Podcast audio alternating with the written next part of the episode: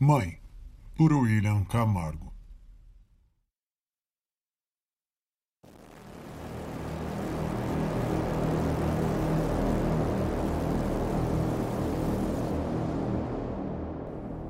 Autópsia em 25 de 6 de 2019, às 2h51 da manhã. Médico legista Dr. André Garcia. Corpo trazido aproximadamente umas 4 horas e colocado aqui na gaveta. Corpo do sexo feminino, cerca de 25 anos, identidade desconhecida. Loiras, feições latinas, cabelo longo, rosto fino, olhos profundos e um queixo um tanto quanto comprido. 60 quilos, 1,67m. Trajado em camisola de algodão velha e sem roupas íntimas. Corpo encontra-se enrijecido, músculos bem contraídos, dedos das mãos e pés extremamente contraídos. Os olhos estão com as pupilas dilatadas quase em sua amplitude máxima. A íris apresenta coloração castanho claro? Sim, castanho claro. Pele amarelada, indicando falência renal antes da morte. Alguns hematomas no pescoço, braço, hum, abdômen, joelhos, canela.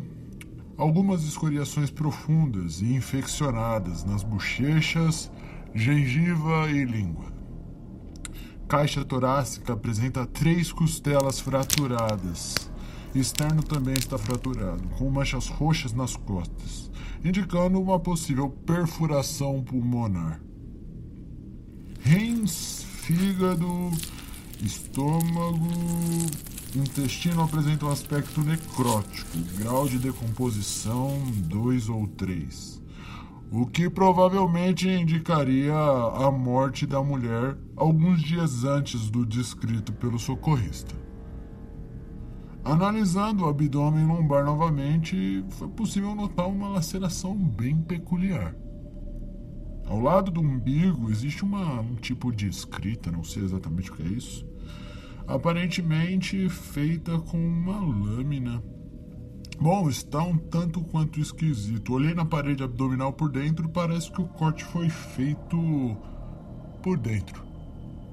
Bem esquisito está escrito M.I. Mãe. É, o E não está tão legível, mas na parte posterior da coluna tem a mesma escoriação e apresenta a mesma marca. M.I. Mãe.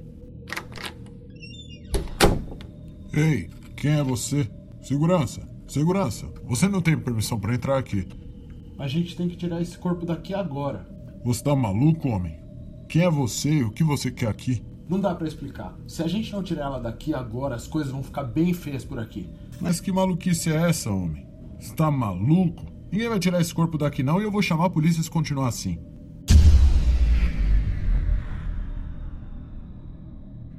Era só o que faltava, a luz cair agora. Tá legal, tá legal, vou tentar explicar. Fizeram um tipo de ritual com essa mulher. Eu não sei exatamente o que fizeram com ela, mas ela tá amaldiçoada. A gente não tem tempo. Não tem mesmo. Cara, é sério, a gente tem que tirar ela daqui. Tem muito defunto nesse lugar, isso não vai ser legal. Ritual? Você tá louco, cara? Amaldiçoada? Só porque tá escrito mãe na barriga dela, ela não tá amaldiçoada. Você tá maluco? Realmente, isso não é um ritual, cara. Isso é um aviso. Aviso? Como assim? Aviso do que? Está louco? Não, cara. Quem escreveu isso foi ela mesma, enquanto estava possuída. Já tentou escrever no vidro? As coisas ficam ao contrário. Ela escreveu de dentro para fora. Não é mãe que tá escrito. É 3 AM. E o que diabo tem? Às três da manhã?